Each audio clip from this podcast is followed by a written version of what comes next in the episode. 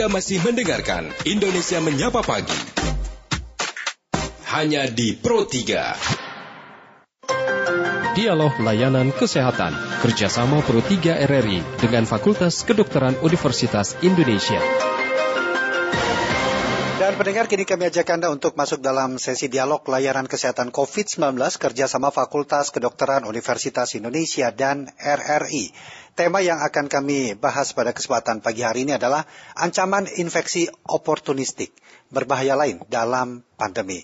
Kami akan membahasnya bersama dengan Dr. Dr. Ki Chen Lee, SPPDKP dari Departemen Ilmu Kesehatan Anak.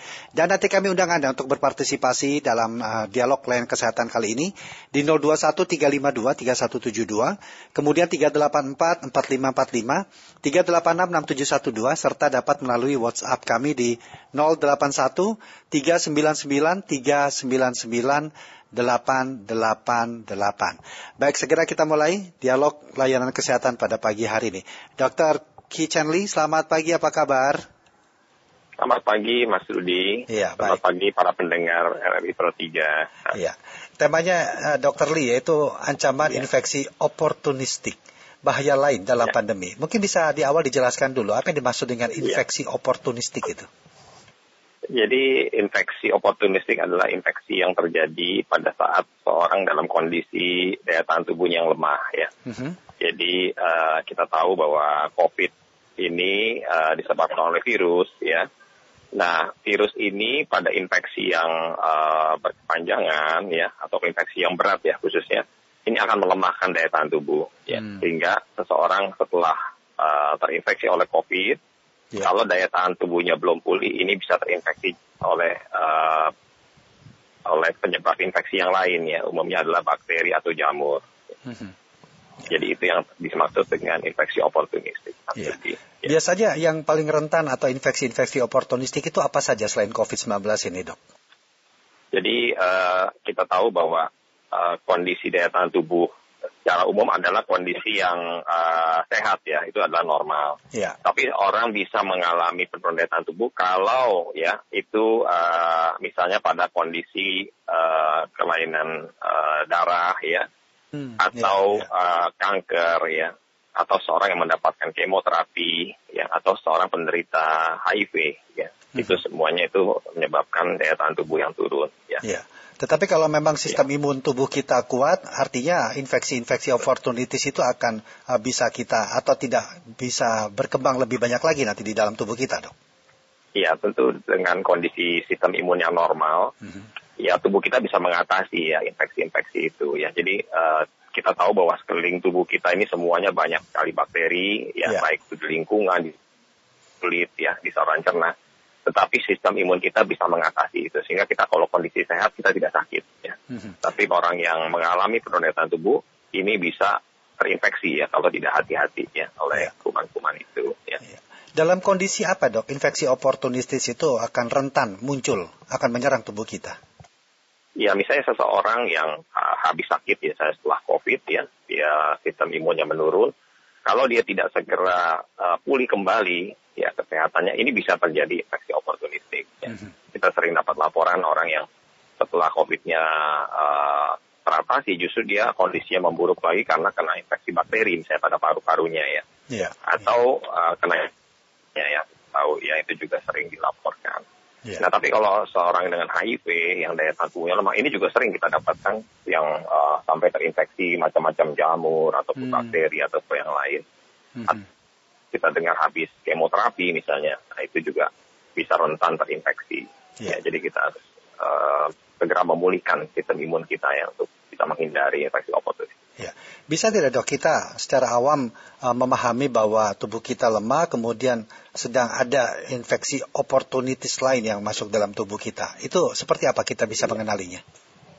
Jadi kalau uh, uh, kita dalam kondisi yang lemah, tentu kita harus mencegah ya, jangan sampai terinfeksi. Jadi Hmm. dengan sering mencuci tangan, ya menggunakan masker misalnya salah satunya infeksi dari udara, atau kita menjaga kebersihan dari makanan, ya itu yang Ya. kita upayakan untuk mencegah jangan sampai terinfeksi.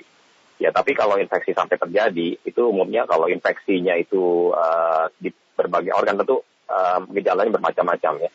infeksi di saluran pernapasan, misalnya gejala batuk-batuk, nyeri Hmm. tenggorokan, ya. Bahkan kalau infeksi paru-paru itu gejalanya sesak napas, ya. Uh, infeksi juga sering mengalami demam kalau infeksinya itu meluas, ya, jadi menyebar, ya, seperti itu. Ya. Kalau di saluran cerna bisa diare, ya. Kemudian di kulit ada kemerah-merahan atau seperti infeksi kulit dan seterusnya. Jadi banyak sekali bentuk infeksi Hmm. tergantung lokasi dan organnya. Mas. Ya. Kita undang pendengar dok ya untuk bisa berinteraksi dengan Ya. kita di pagi hari ini. Silakan pendengar untuk anda yang ingin menyampaikan pertanyaan bersama dengan Dr. Dr. Kitchen Lee, SPP DKP dari Fakultas Kedokteran Universitas Indonesia. Hubungi kami di 021 352 3172, kemudian 384 4545, 386 6712, juga dapat melalui WhatsApp kami di 081 399 399 888. Sambil menunggu pendengar ini Dr. Lee, a- sebahaya apa jika seseorang eh, ternyata ya kena dari infeksi opportunities tadi ini?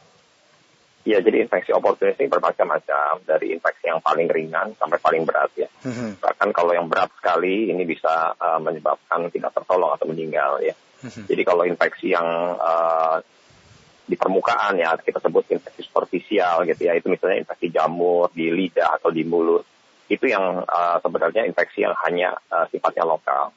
Tapi walaupun infeksi seperti ini pada kondisi yang lemah, ini bisa membahayakan juga ya. Hmm. Artinya mungkin dia tidak bisa makan, kondisinya akan menurun dan seterusnya. Akhirnya dia terinfeksi oleh bakteri dan penyebab lainnya, akhirnya mungkin bisa tidak tertolong.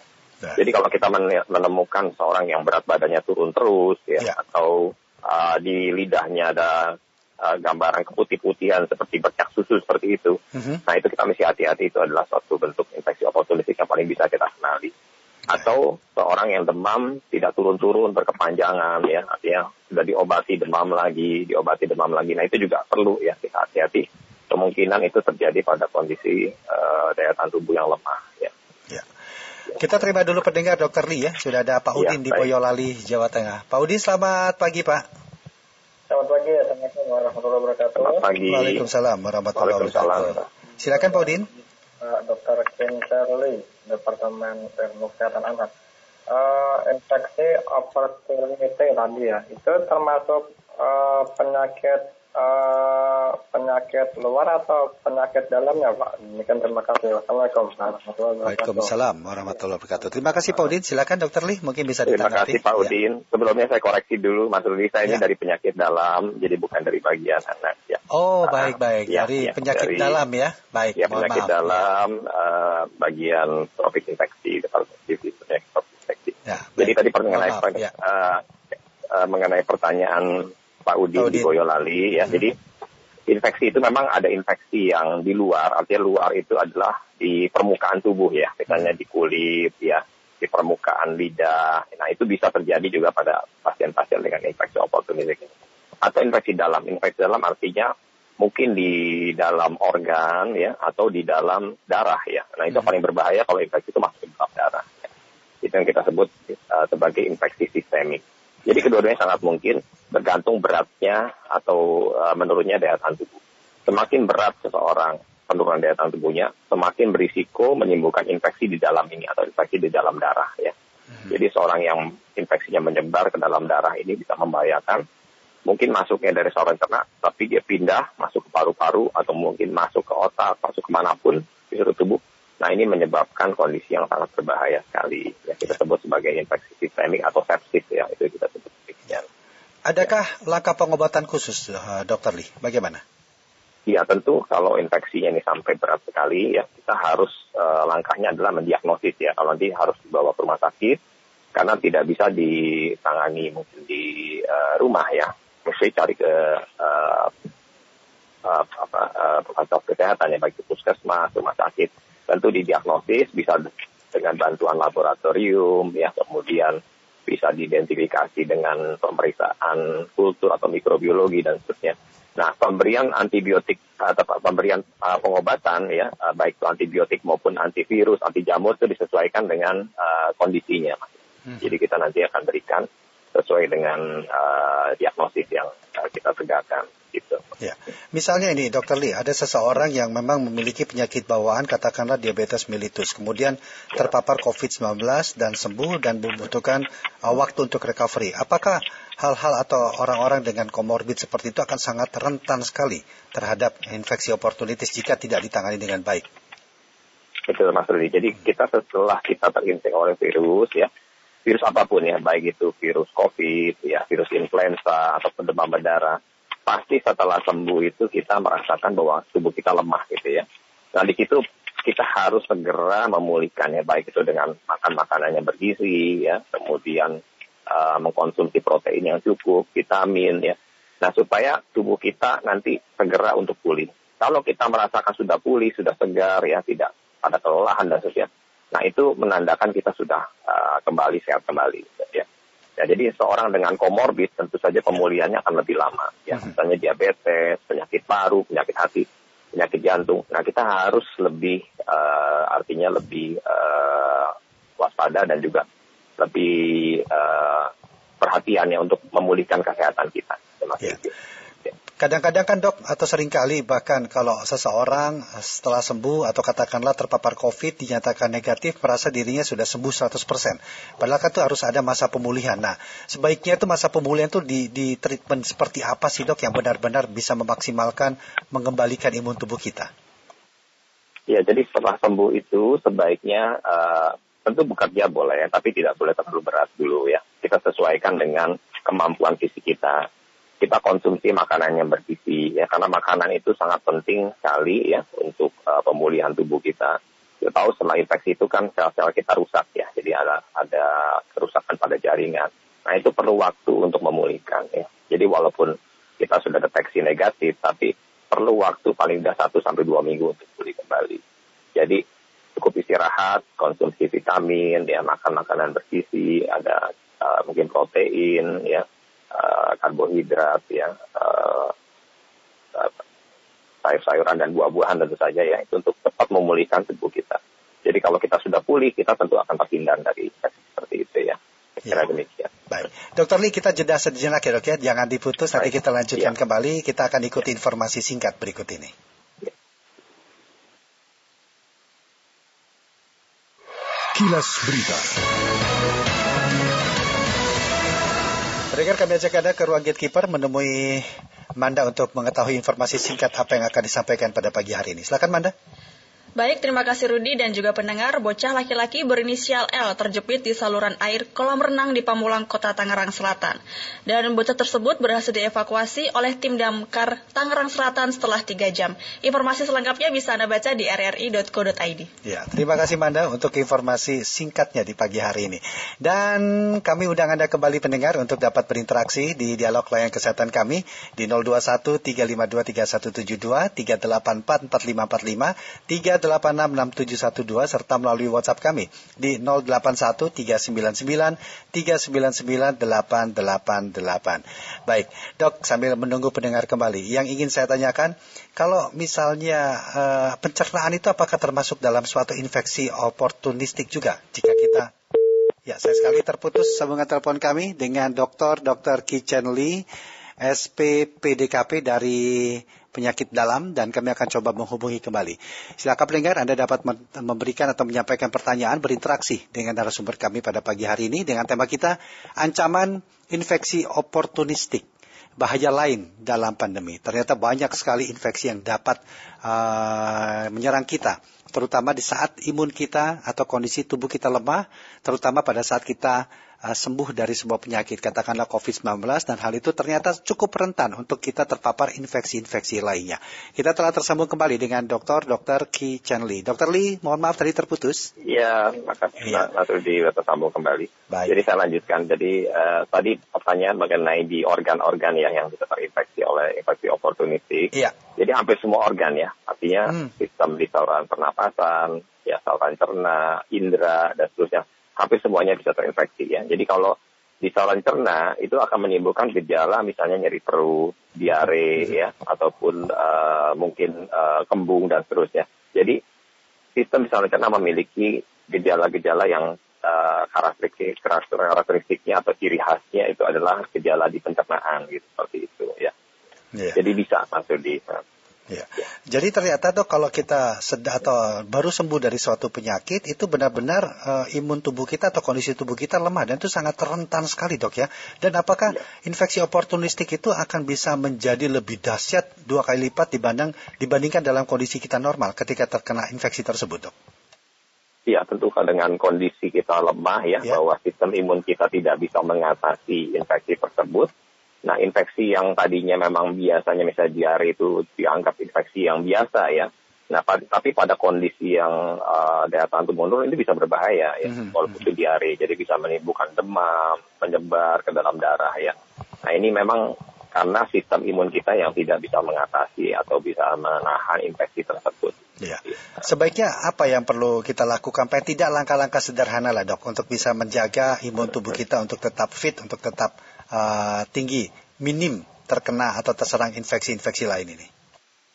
Jadi kalau kita dalam kondisi sehat ya dengan uh, istirahat yang cukup ya, makan makanan yang bergizi, tentu saja kita terhindar ya dari infeksi uh, infeksi oportunistik ini.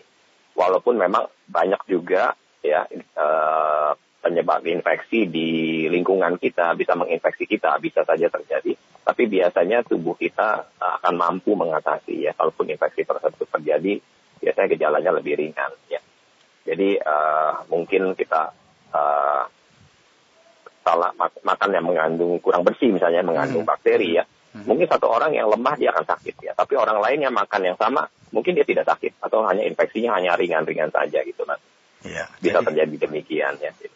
Jadi artinya kita harus selalu memperhatikan kondisi tubuh kita untuk selalu uh, fit terus atau imun tubuh kita juga terlalu terjaga nih dok ya? Iya betul. Iya. Baik dok mungkin ada tips bagi kita semua bagaimana sih cara mudah untuk kita selalu menjaga imun tubuh kita agar tetap optimal?